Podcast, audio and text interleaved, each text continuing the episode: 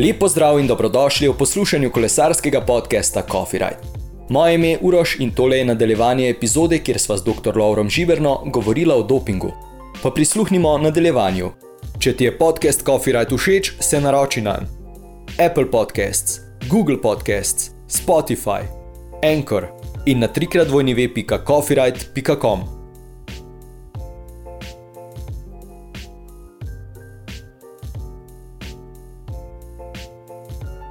Recimo lani je izbruhnila ena takšna afera, ko je Kris Frum bil uh, v bistvu oproščen zaradi prevelike vrednosti salbutamola v krvi. Kakšno je tvoje mnenje o tem? Ja, zdaj Kris Frum je spet en poseben primer, o katerem smo veliko diskutirali, veliko še ne vemo. Spomnim se lansko leto, ko sem dejansko pač bil na turu, je bilo tudi strani navijačev v bistvu ogromno agresije, bom rekel, navijaške agresije, ne, ne smislo fizične.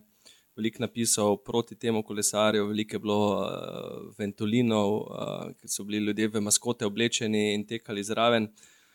Zdaj, v bistvu je zelo kompleksen primer. Ne. Zdaj ga bom skušal razložiti v bistvu čist iz osebnega vidika, potem pa v bistvu tudi uh, iz objektivnega vidika, glede na pravila. Salbutamol je v športu dovoljen do ene uh, zgornje meje. Prav se albutamol deluje, da gremo najprej na samo farmakologijo, je v bistvu beta-2 adrenergični agonist, se pravi, ga ljudje, ki imajo kakršne koli težave z obstrukcijo dihal, ne, se pravi, da pride do neke bronhokonstrikcije, uporabijo v bistvu, da se ta dihalna pot sprosti. Se pravi, albutamol se veže na beta-2 receptorje v dihalih in jih razširi. Ker uh, je aplikacija salbutamola, vsaj recimo Ventolin, tako znan primer enega zdravila, uh, inhalatorna, Če gre za terapevtsko doziranje, so pokazali, da se salbutamol nahaja pretežno samo v bronhijalni služnici. To pomeni, da ni sistemske absorpcije. Ne. Se pravi, ga v bistvu najdemo v zelo, zelo malih odmerkih v krvi in kasneje tudi v urino. Se pravi, v takih odmerkih v krvi, da nima tistih učinkov, ki vplivajo lahko na performance. Če je seveda koncentracija salbutamola povečana, eh, se pa lahko začnejo dogajati tisti drugi učinki, ne, se pravi, ki so izven tega problema dihal. To so podobni učinki, kot jih imamo recimo pri klenbuterolu. Klenbuterol je tudi en tak fitness uh, pripravek, ki je tudi beta-2 agonist. In to so v bistvu vezava na beta-adrenergične receptorje na maščobnih celicah, kjer povzroča lipolizo. Ne? Se pravi, nekdo, ki uporablja, lahko izgubi nekaj odstotkov telesne maščobe, kar seveda v športu lahko pomeni neko kompetitivno prednost. Prav tako so beta-receptori tudi na skeletnih mišicah in lahko pride do mm, nekoliko rasti te, teh anabolnih učinkov. Seveda, za dosego teh učinkov mora športnik imeti kronično zvišene vrednosti. Zdaj, koliko se pojavi samo en sporadični pik, ne, da imaš enkrat salbutamol povečan, potem pa spet normalen, to nima vpliva na performance. Zdaj, če spet potegnem tukaj analogno zgodbo, Kris uh, Fruma, on je bil na Velti takrat uh, večkrat testiran in ena vrednost je bila tista, ki je šla čez to mejo. Za njega pač vemo, uh, on ima precej težav z dihali, ne, zato je že pač tudi tisti gledalci, ki ga kdaj vidijo po etapi, vidijo, pač, da ima pač določene težave, ne, tudi precej kašla. In zdaj, v bistvu, z vidika performance, če imaš vse vrednosti normalne, enkrat en pik, pa spet vse vrednosti normalne, ta pik ni imel vpliva na performance, ne, ker, ne, ker salbutamol akutno ne izboljšuje. Ne. Če želimo imeti dopniške učinke snovi kot je salbutamol, bi morali, tako kot recimo pri klenbuterolu, imeti 3, 6 ali 9 tedenske kure da bi v bistvu lahko dosegli učinke na eh, zniževanje odstotka telesne maščobe oziroma pridobivanje mišične mase. Tako da zdaj, zdaj spet govorim iz vidika performance, ali je tisti njegov, ki mislim, da ima 1200 mg na liter, zgornja meja pa je 1000, ne, se pravi za 20 odstotkov je presegel zgornjo dovoljeno mejo, ali je to imelo vpliv na to, da je on zmagal to etapno dirko, bi lahko rekli iz medicinskih aspektov, da ni imelo vpliva. Ampak to je samo en del zgodbe. Zdaj, pravila so taka, kot so. In v bistvu, če ti presežeš to vrednost ne, in so pravila taka, si prekršil pravila. In tu se pojavi, seveda, problem. Ne. Tudi jaz imam v bistvu ambivalentno mnenje, kako naj v tem primeru sploh razmišljam. Pa recimo delam v tej stroki že toliko let. Ne. Spravi, salbutamol v primeru tega športnika ni povzročil, uh, da je on zmagal hkrati pa je prekršil pravila. Ne? In verjetno bi se jaz odločil v smer, da so pač pravila bila prekršena. Ne? Ampak to je zdaj moje mnenje. Ne.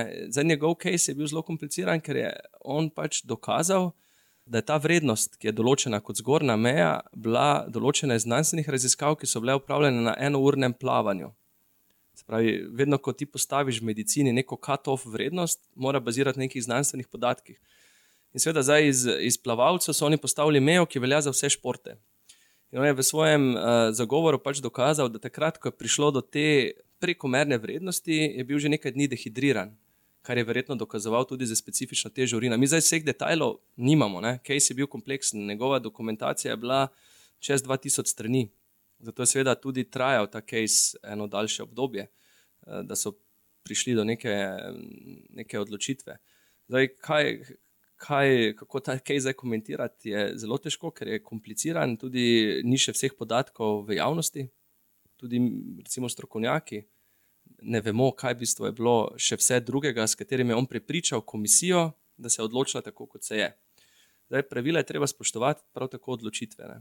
In za mene je v bistvu, če je ena strokovna komisija presodila, da v tem primeru ni šlo za naklepno dejanje, da je v bistvu bilo pač to splet nekih okoliščin, da je pač prišlo do te povišene vrednosti salbutamola, potem je to odločitev potrebno spoštovati in jo sprejeti. Da, ampak, kot že povedano, ne, po drugi strani, on zaradi te vrednosti ni imel nekega izboljšenih telesnih zmogljivosti. Da, v bistvu je zelo, zelo zahteven ta primer. Zdaj, vprašanje, ki je bolj pomembno od samega tega primera, je, kaj narediti v ostalih podobnih primerih. In tukaj se bo mogla vlada opredeliti. Slejko prej se bo zgodilo, oziroma že v preteklosti smo imeli primere, ne, da je salbutamol bil pri kom povišan in je dobil 12-18 mesečno sus, suspens. Pa je mogoče šlo za podoben primer, ampak ni, ni imel dovolj nekega finančnega zaledja, poguma, suporta, tako kot ga je imel ta kolesar, ki je imel v bistvu vse. Ne. In bodoče bo treba to bolj natančno definirati, kajti uh, ne sme se zgoditi, da, da, imajo, da imamo v bistvu pri obravnavi dvojne kriterije, ne, dvojna merila. Ne. In tukaj ta, ta primer je vseeno, v vsakem primeru bo precedenčni ne, in v bistvu bo imel neke vplive, kaj za podobnimi primeri eh, narediti v bodoče. Za enkrat pa še ni v strokovni javnosti natančnih podatkov. Teda vse, kar zdaj v bistvu mi dva diskutiramo o tem, je v bistvu zgolj neka špekulacija. Ne. Definitivno pa bi mogoče na, na tem primeru še to omenil, ker se veliko krat tudi dogaja spet stereotipno in povsem nepravično, vsi kolesari so astmatiki ne? ali pa vsi športniki so zdaj astmatiki, ne? ker uporabljajo salbutamol. Astma oziroma bronhokonstrikcija sta lahko dve različni entiteti. Astma v bistvu vključuje bronhokonstrikcijo in kronično vnetje. Včasih se pa zgodi, da imajo športniki lahko uh, z naporom induciran bronhospazem. In seveda, on pri hudi telesni obremenitvi ima težave z dihanjem. In seveda takrat mu terapevtski odmerek salbutamola pomaga in je tudi v bistvu pravilno indiciran, da ga zdravnik predpiše temu športniku, ker on ima dejansko neko obstrukcijo, v bistvu ne diha normalno in je njegov performance uh, slabši zaradi tega, oziroma tudi subjektivne težave. Nima pa nujno vnetja ne? in to ni astma. In zdaj v bistvu uh, se je morala Svetovna antidopniška organizacija odločiti, da je določena zdravila pustila prosta. In, in v tej skupini beta-2 adrenergičnih agonistov so tri takšna zdravila. Ne. Poleg salbutamola poznamo še salmeterol in formoterol. V bistvu to so tri učinkovine, ki jih ti športniki lahko uporabljajo, brez da registrirajo terapevtsko izjemo. Ne. In tudi večina športnikov seveda potem to uporablja. Ampak, kolikor uporabljajo v terapevtskih odmerkih, imajo učinek samo na bronhijalno sluznico, ne pa sistemskih učinkov. In to v bistvu ni doping. In je v bistvu pravilno, da so tako ukrepali. Zdaj, ali se lahko zgodi v primeru dehidracije, da ta vrednost preseže tisto zgornjo odločitveno mejo, eh, seveda je možno. Zdaj bo pač treba narediti pač enotna pravila za vse. In kaj pri tem primeru samo moti, je, da pač pravila so bila takšna, in zdaj se je pa zgodila izjema na ta pravila. To, to je tisto, kar v bistvu eh, zdaj v tem primeru je pač, eh, rekel, je nek, nek, neko odstopanje, ampak gledamo v prihodnost ne, in zdaj je treba seveda po moji oceni, zagotoviti neko znanstveno verodostojnost in preučiti, ali je treba to mejo dvigniti, ali pa ostati na isti meji, pa se odločiti, preč, da to ni možno z dehidracijo doseči ob terapevtski uporabi. Ne. Recimo, se razlikuje doping med ženskami in moškimi. Verjetno so minimalne, minimalne razlike, ampak v vzdržljivostnih športih gre bistvo za uporabo istih snovi. Definitivno pa žensko telo, vsaj ko govorimo o uporabi anaboličnih androgenih steroidov, ki so še vedno najbolj pogosto zlorabljene snovi. Seveda so razlike tako v protokolu uporabe, kot tudi v snoveh, ki se jih pač uh, daje. No, ne bomo šli v tehnične detajle, ampak v bistvu v osnovi imamo eh, snovi, ki imajo bolj izrazite anabolne učinke ali bolj izrazite androgene. Ne, in seveda, recimo pri ženskah je seveda velika skrb, da teh androgenih učinkov nekoliko manj, tudi zaradi. Pač rekel, socialnega sprejemanja, ker se pač tudi morfološko potem žensko telo spremeni in seveda je treba to pač prikrivati. V, v osnovi pa v bistvu vse v kolesarstvu, bolj ali manj se statistično gledano uporabljajo iste snovi. Pravi, gre v bistvu za ta, rekel vse v cestnem kolesarstvu, bolj za vzdržljivostni doping, krvnih oblik dopinga, eritropoetinov, rasnega hormona, uh, anaboličnih androgenih steroidov, recimo testosteroni na nalogi, do potem vseh tistih rasnih dejavnikov, psihostimulanci so prisotni. Ne? Tukaj v bistvu ni eh, nekih velikih odstopanj eh, med moškimi in ženskami. Medtem ko sem se pripravljal na najem pogovor, sem naletel tudi na to, da obstaja že genetski doping. Že to predstavlja neko nevarnost v prihodnosti. Kaj dejansko to pomeni, oziroma kaj to prinaša? Ja, zdaj, uh, genski doping ga imenujemo. Ne? Genski doping je v bistvu po pravilih ena izmed prepovedanih metod. No, tega sicer danes nismo omenjali, ampak uh, v športu je v bistvu so prepovedane snovi in so prepovedane metode. Ne, zdaj med metode upoštevamo vse oblike krvnih transfuzij, upoštevamo recimo dodatke raznih encimov, ki si jih lahko športnik pod noh skrije in bi jim potencialno med uriniranjem želel kakšne proteaze, sprad v urin, da bi se eritropoetin uh, tam razgradil. In tretja oblika prepovedanih metod je genski doping. Zdaj, genski doping po novi definiciji vključuje v bistvu kakršni koli vnos pravimo, nuklein, nukleotidov ne, ali pa genskih zapisov ali celic. Ne. Ta dodatek celic je tudi sedaj novost. Sprav, če bi športnik želel uporabiti tehnologije, kot jih poznamo uh, pri genski terapiji, ali pa s kakimi matičnimi celicami, ali z drugimi spremenjenimi celicami želel vplivati na svoj performance, je to vse genski doping. Zdaj, problem genskega dopinga je zelo uh, preprost, da nimamo nobene detekcijske metode, tehnologija pa je tukaj. Ne. Pravi, zdaj, o, o, o genski terapiji je uh, vsaj, rekel, v zadnjem mesecu v Sloveniji bilo veliko povedanega, ko je celotna Slovenija zbirala denar za zdravljenje tega uh, dečka. Ne. Teda smo se veliko naučili v bistvu o, o genski terapiji.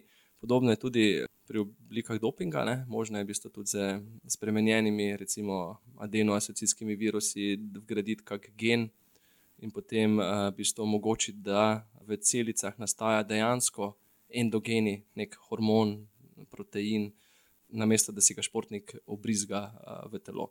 Za najbolj pogoste, seveda, tehnike za katere sumimo, da bi lahko bile kot genski doping, je v bistvu, da si športnik odzeme zdrave celice, jih potem v nekem in vitro okolju, v enem znanstvenem laboratoriju spremenijo, dodajo genske zapise, da se določen protein prekomerno izraža.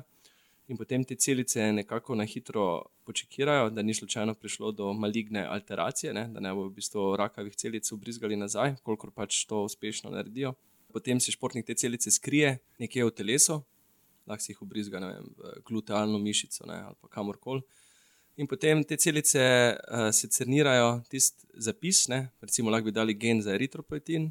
In bi potem te celice v bistvu same izločale uh, eritropoetin, in bi seveda športnik imel naravno zvišene vrednosti. In ko bi ga testirali, ker, ker bi bil ugrajen humani gen, bi bilo praktično nemogoče odkriti, ali je ta eritropoetin uh, uh, nastal v ledvicah ali mogoče v kakšni drugi celici, ki je bila eh, gensko spremenjena. Ne, in to je pač potem recimo en primer genskega dopinga.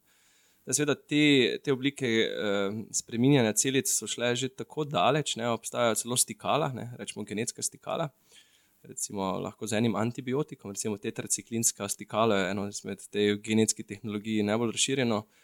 Vklopiš ali izklopiš izločanje tega uh, proteina. To v praksi pomeni, da ti obstaja namreč nevarnost. Ne? Če bi imel pre, prevelik tega, bi lahko prišlo do previskoznosti, srčnih infarktov, možganske kapi. Zato so seveda ugradili stikala. Ne? Se pravi, če je celica brez tega antibiotika, ne prepisuje tega gena. Potem posameznik zaužije tetraciklin, tetraciklin se veže na to stikalo in aktivira prepisovanje tega gena.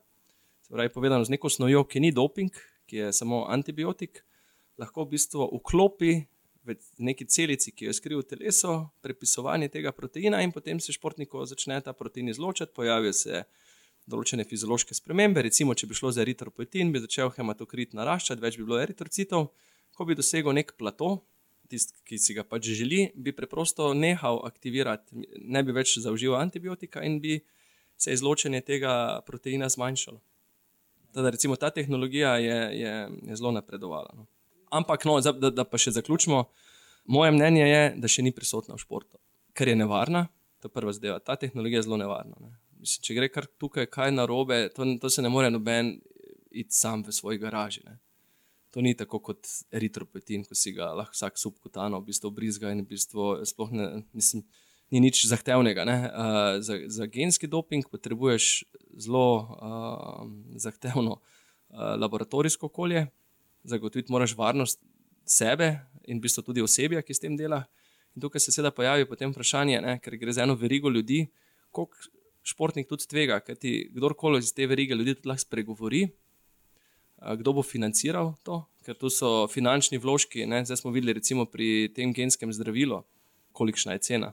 Zdaj, seveda, pri genskem dopingu si lahko predstavljate, da je cena nekajkrat večja kdo si lahko to privošči. V bistvu, to ni zadeva, ki je dostopna vsakemu. In, um, osebno mislim, da so športniki, praviloma tudi tisti, ki uporabljajo doping, zelo inteligentni, se zavedajo nevarnosti za zdravje in, uh, in jih je v bistvu tudi strah. Ne? Uh, tudi pri klasičnih oblikah dopinga jih skrbi za zdravje, in da bi v bistvu en tako inteligenten posameznik v bistvu posegel po tako tvegani tehniki, ne? ki lahko povzroči tudi rakavo obolenje. Ne? To ne smemo pozabiti.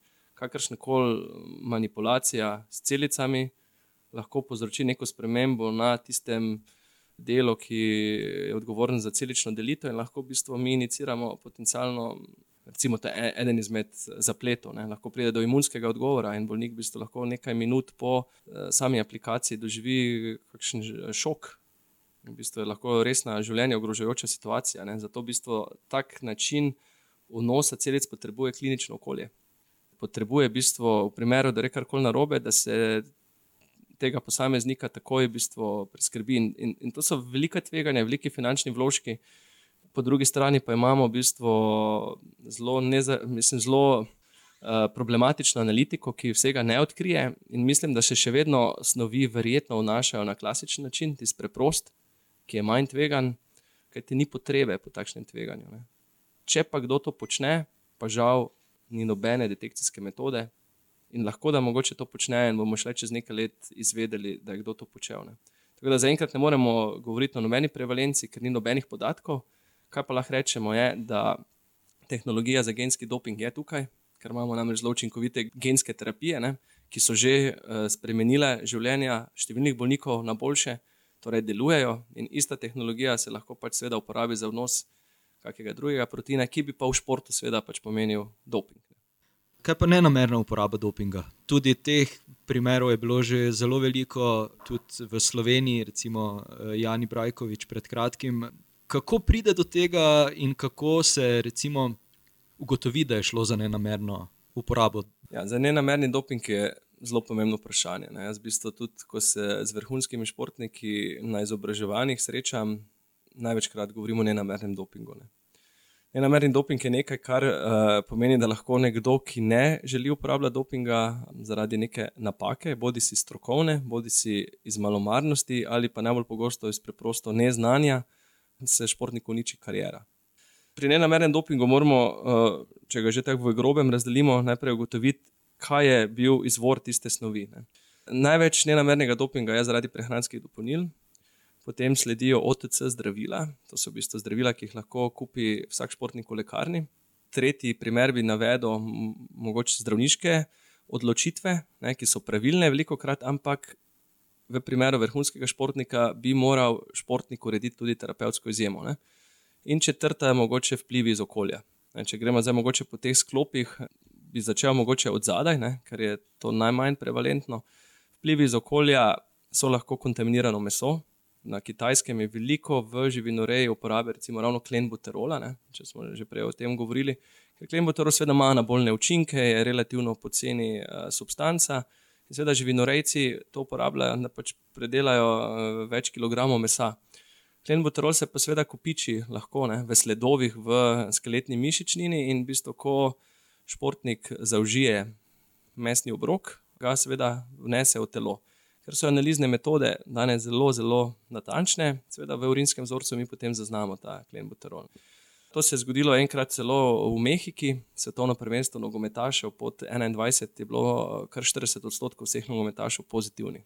In potem so ugotovili, da so v tistem hotelu imeli večino vzorcev, ki jih je potem inšpektor analiziral, dejansko, ti, mislim, meso, ki je bilo v tem hotelu, je bilo v večini vzorcih pozitivno na klembuterol. Seveda potem so ugotovili, da pač športniki niso namerno zlorabljali te snovi. Na srečo so pač vse reprezentance živele v tem hotelu. Ne? Če bi samo ena, bi že lahko bilo težavno. In če inšpektor ne bi odkril klembuterola v tistih mestnih vzorcih, bi seveda bilo dokazovanje nedolžnosti oziroma uporabe nenamernega dopinga precej težje. Te imamo seveda pač primere, ne se tudi iz kolesarstva. Ne. Alberto Contador, ne, primer Klenbuterola, v bistvu je bil spoznan za kršitelja protidopinških pravil. Pa smo pa imeli Rogersa, ki je pa isto na Klenbuterol v Kitajskem, pa je uspel dokazati svojo nenamernost oziroma ni dobil nobene uh, sankcije. Ne. Tu gre v bistvu od primera do primera. In tukaj v bistvu je potem pravni aspekti so. Teh jaz ne poznam tako zelo dobro, ker se z pravom na srečo ne rabim ukvarjati. Tako da to je moče bolj vprašanje za pravnike, ne, kako uh, opredelijo naklep in namernost dejanja. Ampak to sta v bistvu dva kriterija. Ne. No, če gremo potem uh, še na druge plive okolja, ne, pasivna inhalacija marihuane, to se včasih uh, veliko krat pojavlja kot problem uh, nenamernega dopinga, ampak danes so se te vrednosti tako dvignile, da v bistvu tudi če bi posameznik bil 4 ure zaprt v enem coffee shopu v Amsterdamu, bi še vedno bila vrednost pod tisto katov uh, odločitveno mejo ne? in ne bi zaradi tega bil testiran pozitivno. Tako da tisti, ki so danes pač pozitivni na kanabinoide, na teh testih, so dejansko aktivno uživali, bodi si inhalatorno ali pa peroralno. Ne? Da teh kanabinoidov imamo pač tudi v okolju, predvsem, ampak pasivna inhalacija tukaj ne pride poštev. Okay, če gremo naprej, v bistvu na terapevtske izjeme. Ne. Terapevtske izjeme so v bistvu dokument, ki ga mora športnik urediti v primeru, da ima neko medicinsko indikacijo. In tukaj se včasih pozabi. V bistvu zdravnik recimo, nima ustrezne izobrazbe, ker tega naših eh, diplomantov na medicinski fakulteti, niti pri predmetu, ker jaz sodelujem, ne učimo. Ne. Eh, mi jih učimo samo, kako zdraviti bolezensko stanje. Ne. Seveda, v primeru vrhunskega športnika, če ima on neko legitimno medicinsko stanje, za katerega potrebuje uporabo snovi, ki je sicer prepovedana v športu, mora preprosto to medicinsko dokumentacijo poslati na odgovorno športno organizacijo, da mu ta izda poseben dokument, ki ga imenujemo terapevtska izjema. In on potem lahko, tako kot je napisano v tistem izvidu od, od zdravnika, za eno določeno obdobje to zdravilo uporablja. Lahko gre za, za eno mesečno terapijo, lahko gre za dlje časa trajajočo terapijo, lahko pa gre za doživljensko. Recimo diabetes tipa 1, potrebuje športnik doživljenjsko terapijo z inzulinom, ki je sicer eh, prepovedan v športu, ampak seveda v primeru eh, diagnoze to ni kršitev, ne? to ni doping. In to mora športnik urediti. In tu je recimo se zgodil tudi ta primer eh, lansko leto na olimpijskih igrah, ne Pjongčango, ko slovenski eh, hokejist v bistvu ni uredil tega dokumenta. To ni bila napaka zdravnika, to je bila napaka športnika. Športnik je odgovoren, da ko se mu postavi diagnoza, ustrezno ukrepa. Tako da v bistvu prelaganje tukaj odgovornosti na zdravnika ni ustrezno. Razen če seveda ta zdravnik, recimo v kakih klubih, pa prav zaposlen, da skrbi za športnike. Ne. Kolikor pa kdo gre eh, na nek specialistični pregled in se mu postavi diagnoza, mora seveda potem s to dokumentacijo in s posebno prošnjo na antidopinško organizacijo zaprositi za terapevtsko izjemo. In tukaj seveda je šlo za nenamerni doping. Ampak če ti ne urediš dokumenta, si na olimpijskih igrah testiran za prepovedano snov, uh, pač pride do teh konsekvenc, ne, ki so se zgodile ne, in so diskreditirale ne samo njega, ampak celotno reprezentanco oziroma celotno slovensko ekipo. V bistvu je to napaka iz, rekel, iz neznanja. In tukaj skušamo tudi mi, recimo kot slovenska antidopinška organizacija, izobraževati tudi strokovnjake, da bi tudi zdravniki ali pa farmacevti v lekarnah športnika kdaj napotili, eh, da si uredi to, bom rekel, dokument. V bistvu. Če športnik naredi, je seveda to pač kršitev. No, potem, če gremo naprej, OTC zdravila, to so over the counter, oziroma zdravila, ki jih lahko športnik kupi brez recepta. Tu se dogaja tudi precej napak. Recimo, pogosto imamo zdravila, ki sicer niso doping, ampak uh, lahko nastopijo v kombinirani obliki. Recimo, imamo, kot primer, da ne bom sedaj poimensko po reklamiral kakšne farmacevtske firme. Recimo, paracetamol je šibek analgetik, in seveda ni prepovedan v športu, se pravi, ga lahko uporabljaš. Ne. Zdaj, seveda, ker so določeni psihostimulansi, deluje tudi dekongestivno, to pomeni, bistvo, da eh, širijo prehodnost skozi nos, ne, ker povzročijo vazokonstrikcijo drobnih žil, ki so pri vnetju razširjene in se bistvo lažje zadihaš. To je recimo pseudoefedrin. Se veliko krat uporablja kombinirana zdravila, ne. seveda bolniko to odlično pomaga. Pseudofedrin tudi kot psihostimulans te nekoliko dvigne v samem razpoloženju, ko si prehlajen ali pa imaš kakšno drugo obolenje. Sveda, v primeru športnika pa je pseudofedrin prepovedan, je v bistvu je psihostimulans in težko je dokazati sedaj, da, da je bila ta doza pseudofedrina zaužita zgolj v sklopu neke protibolečinske terapije ali pa ni morda šlo za neko izboljševanje performansa na samem tekmovanju. In zaradi tega pseudofedrina je bila pred leti že kot en tak rekel, šolski primer, izgubljena zlata olimpijska medalja. Romunska telovatka Andreja Radukan, mislim, da je bila v Sidnju, je zjutraj zbolela, imela prehladno bolenje. Zdravnik je rekel: Idi si kupiti ibuprofen, to je en drug eh, šibek analgetik. Ona je seveda šla v najbližjo trgovino v Avstraliji, dobila tam ibuprofen, pa je pač pisalo cold and flu, ne, se pravi za prehlad in gripo. Je vzela, ampak je bil kombiniran pripravek. Ne, ni bila pozorna, ona zaužije ibuprofen z pseudofedrinom tekmuje, odlično tekmuje, dobi zlato olimpijsko medaljo, gre na podelitev, zvečer v bistvu, so že mediji v Sovzah spremljali, ko so ji zlato olimpijsko medaljo odvzeli in je v bistvu tudi mogla zapustiti olimpijsko vas, kar je tudi ena izmed sankcij v primeru pozitivnega izida na olimpijskih igrah. In se je več let borila, ravno iz tega vidika, ker je trdila, da je šlo za nenamerni doping. Ampak pravila takrat so se pač držali teh pravil, te snovi ne sme biti v vzorcu, in, eh, in te zlate olimpijske medalje ni dobila. Danes je za pseudofedrin nekoliko dvignila meja, ampak še vedno ne. In teh zdravil je kar precej. Ne. Lahko imamo antihistaminik za zdravljenje alergije, eh, loratadin, recimo, ne, eh, ki ni doping, če pa je kombiniran z pseudofedrinom, pa seveda doping. No, in teh zdravil je okoli deset ne, na slovenskem trgu. In seveda zdaj tudi aspirin, recimo. Aspirin ni doping, če pa je spirin uh, kompleks, pa vsebuje pseudofedrin. In lahko zelo pri takih eh, benignih zadevah športnik naredi napako, v bistvu iz neznanja. Ne? Zato v bistvu tudi športnike veliko krat uh, informiramo, naj preverijo vsebnost. Ker tudi na tistem listu uh, informacij o zdravilih je napisano. Da lahko to zdravilo privede do pozitivnega rezultata. Ampak to je žal, ko ljudje odprejo zdravila, prva zadeva, ki grejo v smeti, navodila o uporabi in tega ne preberejo. Ne. In, in šveda, če gremo pa zdaj še naprej, ne, najbolj pogost nenamerni doping pa je v bistvu zaradi prehranskih dopolnil. Ne. Ocenjuje se nekje na globalni ravni, da je okoli 300 do 400 športnikov vsako leto testiranih pozitivno ravno zaradi kontaminiranih prehranskih dopolnil. Te so pa velik problem. E, uporaba prehranskih dopolnil je v športu zelo razširjena. 60 do 70 odstotkov vrhunskih športnikov uporablja prehranska dopolnila. Zdaj, kaj je glede kontaminacije? Najbolj pogosto imamo kot kontaminante kakšne steroide ali pa steroidne presnovke, beta-2 agoniste, psihostimulanse. To so nekako najbolj pogoste snovi, ki so najdeni kot kontaminanti. Zdaj, kako te snovi pridejo v prehransko dopolnilo, kajti prehransko dopolnilo v osnovi ni doping, ne, vsebuje snovi, ki jih najdemo v prehrani. Ne. Namen prehranskih dopolnil je nadomeščanje neustrezne prehrane. Veliko krat je na skrižna kontaminacija, ne? se pravi, kakšno garažno podjetje pripravlja pripravke za, za bodybuilding, uporabi steroide, potem tisto aparaturo nekoliko na hitro očisti in potem meša mogoče kreatin ali pa kakšne aminokisline in v sledovih ti ostanke anaboličnih steroidov iz tiste aparature preidejo v ta drug uh, vzorec, ki ga športnik potem kupi.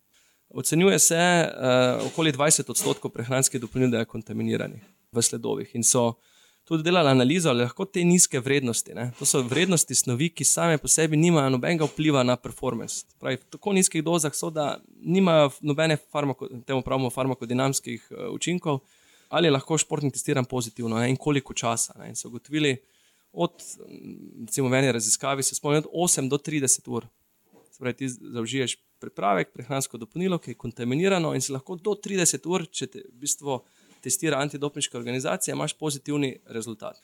In za teh primerov v Sloveniji smo tudi imeli, morda najbolj odmevna sta primer uh, Brajkoviča, in primer nogometaša prve nogometne lige iz Domžalne. Uh, zdaj, o Janez Brajkoviču, v bistvu, on je zelo natančno svoj primer tudi javnosti razkril in tudi opisal, za katero prehransko dopolnilo uh, je šlo, da ga je kupil v bistvu iz tiste ameriške firme, ki je znana potem, mislim, da ima že celo deset preparatov na tej listi kontaminiranih. Žal je tukaj pač naredil napako, neprevidnost ali pa sploh ni razmišljal, ker večina športnikov ne razmišlja, da lahko nakup enega prehranskega dopolnila preko spleta, kasneje privede do v bistvu, pozitivnega dopniškega testa. Ne. Seveda, ker je profesionalni kolesar je bil pogosto testiran in če je ravno v tem intervalu, če je ravno zaužil, to je velika verjetnost. Ne. In glede na, glede na to, da njegov primer je vodila Mednarodna kolesarska zveza, in glede na to, da so se odločili, da je dobil tako zelo znižano kazen, pomeni, da je dejansko uspel dokazati nenamerno uporabo te snovi. On je imel metilheksenamin, ki je tudi pogosto bil že v par primerih. Drugih primerih nenamernega dopinga. Ne. To je ena snov, psihostimulanska, ki je v bistvu zelo pogosto prisotna v prehranskih dopolnilih. Drugi primer je nogometaš iz Domžal, ki je v bistvu v eni izmed teh podjetij, ne, ki jih je tudi v Sloveniji kar precej, ko ljudje brez medicinske izobrazbe svetujejo športnikom, kako zmanjšati krče, kako izboljšati svoj performance z prehranskimi dopolnili, kar je seveda popolnoma znanstveno neosnovano in je v bistvu zgolj komercialni natek, če mi dovoliš ta izraz, zaslužkarstvo. V bistvu. no, in glavni ti uh, ljudje so potem temu športniku pač svetovali in je seveda pač dobil preparat, ki je bil kontaminiran.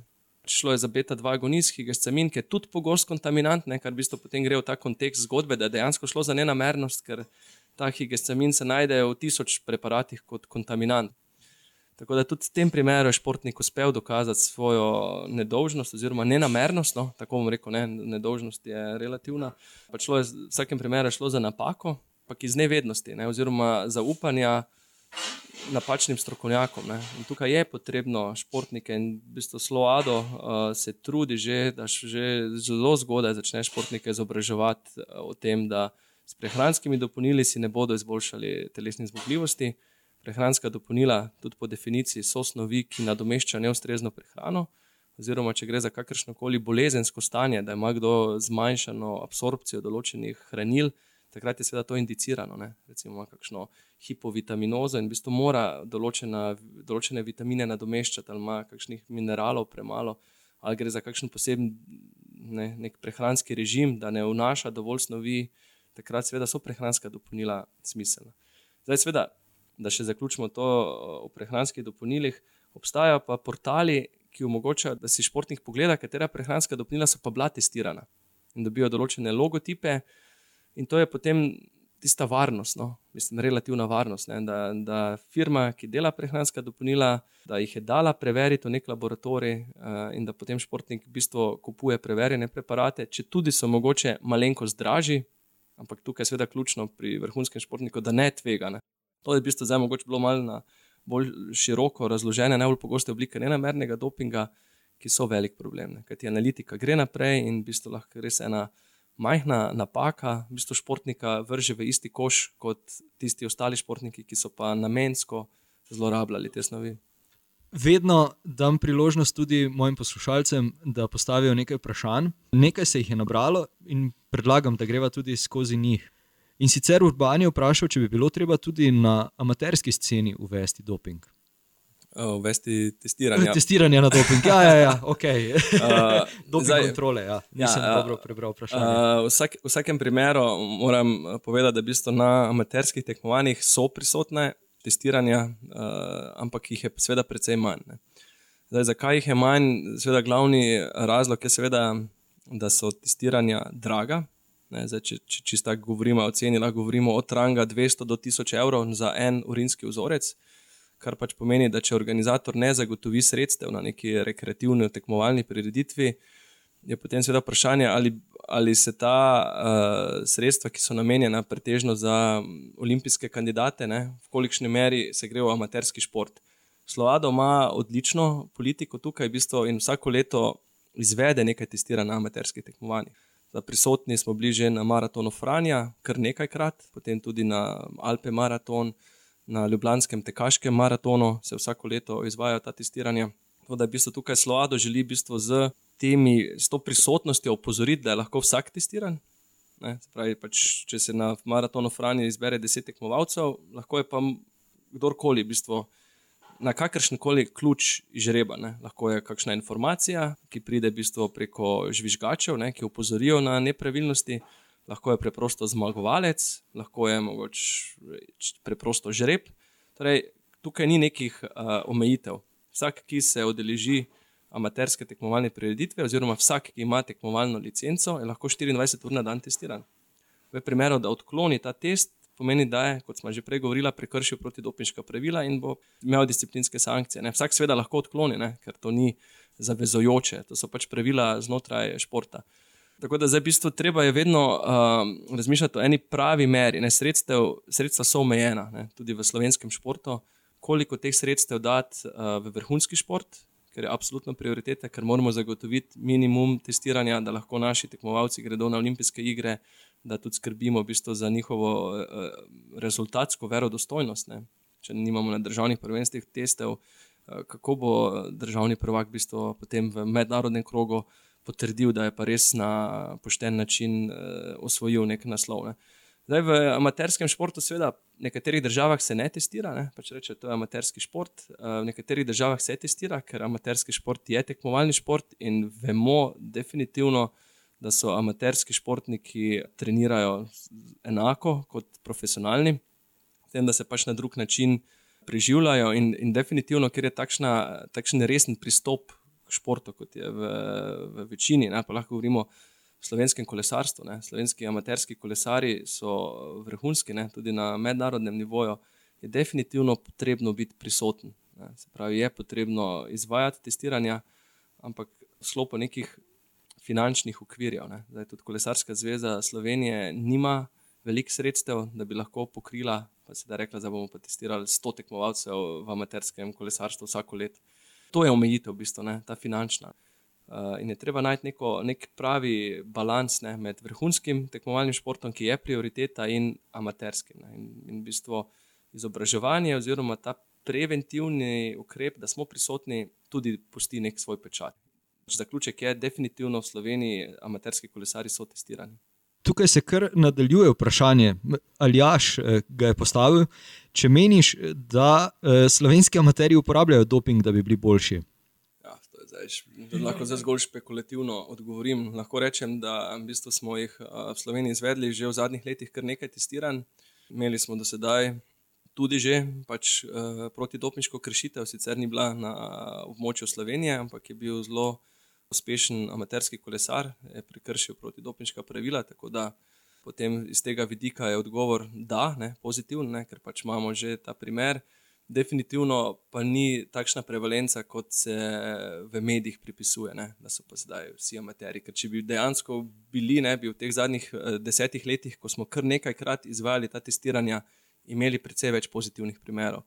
Da tukaj spet, bom rekel, se dela malo um, krivica ali pa se malo zamenjuje, eh, če športnik uživa prehranska dopolnila. Prehranska dopolnila niso doping, to je pač um, uživanje nekih preparatov, ki v večini primerov ne delujejo, ne, ampak pač, uh, razen pač placebo, ampak je druga zadeva. Uh, resni doping pa po moji oceni je prisoten, ni pa v taki hudi prevalenci, ne, ker prisoten je tudi v drugih državah. Imamo, pozitivne primere iz master tekmovanj, eh, svetovnih prvenstev, celo 55 do 60 let v tej kategoriji.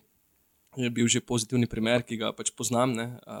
Potem lansko leto je bil v kategoriji nad 90 let na pisti master kolesar, ki je bil celo edini v svoji kategoriji in je bil testiran, in je bil testiran pozitivno. Tako da, seveda, v amaterskem kolesarstvu so motivi, ali pa psihološki motivi, ne, motivacija za uporabo dopinga precej drugačna kot v vrhunskem športu.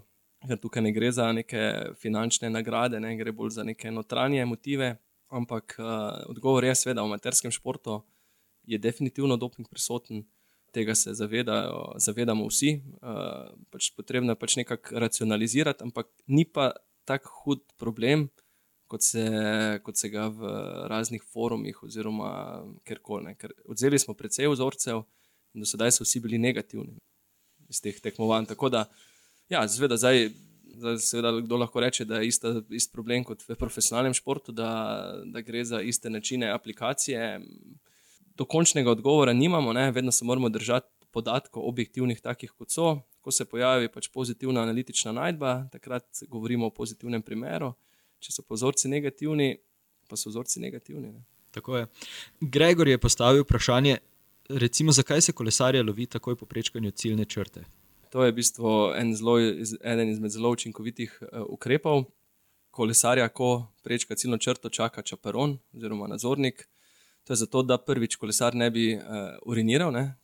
ko bi recimo videl na listi svojo številko, svoje ime, drugič, zato da ne bi prišlo do kakršnih koli manipulacij. Ne? Teoretično bi lahko kolesar, recimo, uh, pa vsaj pri ženskih športnicah, ne, če ni nadzorovano, se lahko z urinsko katerizacijo v bistvu, uh, izprazni prvotni urin in potem se v bistvu drug urin uh, stisne preko katetra v mehur in lahko športnik uh, v bistvu odda drug urin, ne, ne njegov lasen, da se športnika celotni čas uh, pač nadzoruje. Prav tako lahko bi športnik z uh, kakšnimi praški ne, v bližini ne, rekel, uretre, ne, se pravi, recimo tam, kjer pač urin izteka, bi lahko dodal kakšne encime, ne, ki bi si jih pač recimo namazal, kakorkoli. Zato se v bistvu športnika opazuje. Ne, se pravi, vloga tega čaperona, tega posameznika je, da športnika identificira, da ga seznani, da je dopinška kontrola. Kajti na kakšni gorski etapi, recimo na Turo, kolesari zavijajo gor, če nimajo dopinškega testa, se kar peljejo 2-3 km navzdol, kjer so ekipna vozila. Ni, ni vseh eh, avtobusov na gorskih etapah zgoraj. In potem bi v bistvu mi kolesarja pač sploh ne bi mogli poiskati da vloga čaperona je v bistvu nadzor in pomoč. Čaperon mora kolesarja poiskati, ga seznaniti, ne? kolesar mu podpiše dokument, da je v tej in tej uri bil seznanjen, in potem gre čaperon z kolesarjem v ekipno vozilo, kjer se kolesar pač lahko preobleče, vzame osebni dokument, veliko krat pride z njim maser ali zdravnik, in potem skupaj pridejo k nam na dopniško postajo. Ne? Eh, in potem v bistvu mi izvedemo eh, pač kontrolo dopinga. Ne. Tako da v bistvu oni nam asistirajo, hkrati pa tudi nadzirajo. Ne. In če opazijo kakršno koli nepravilnost, sumljivo obnašanje ali vidijo karkoli nenavadnega, nas tudi o tem pač obvestijo. Ne. Zanimivo. Tako je, Lauro. Pri koncu sva sedaj še samo dve vprašanji, ki jih postavim vsakomru.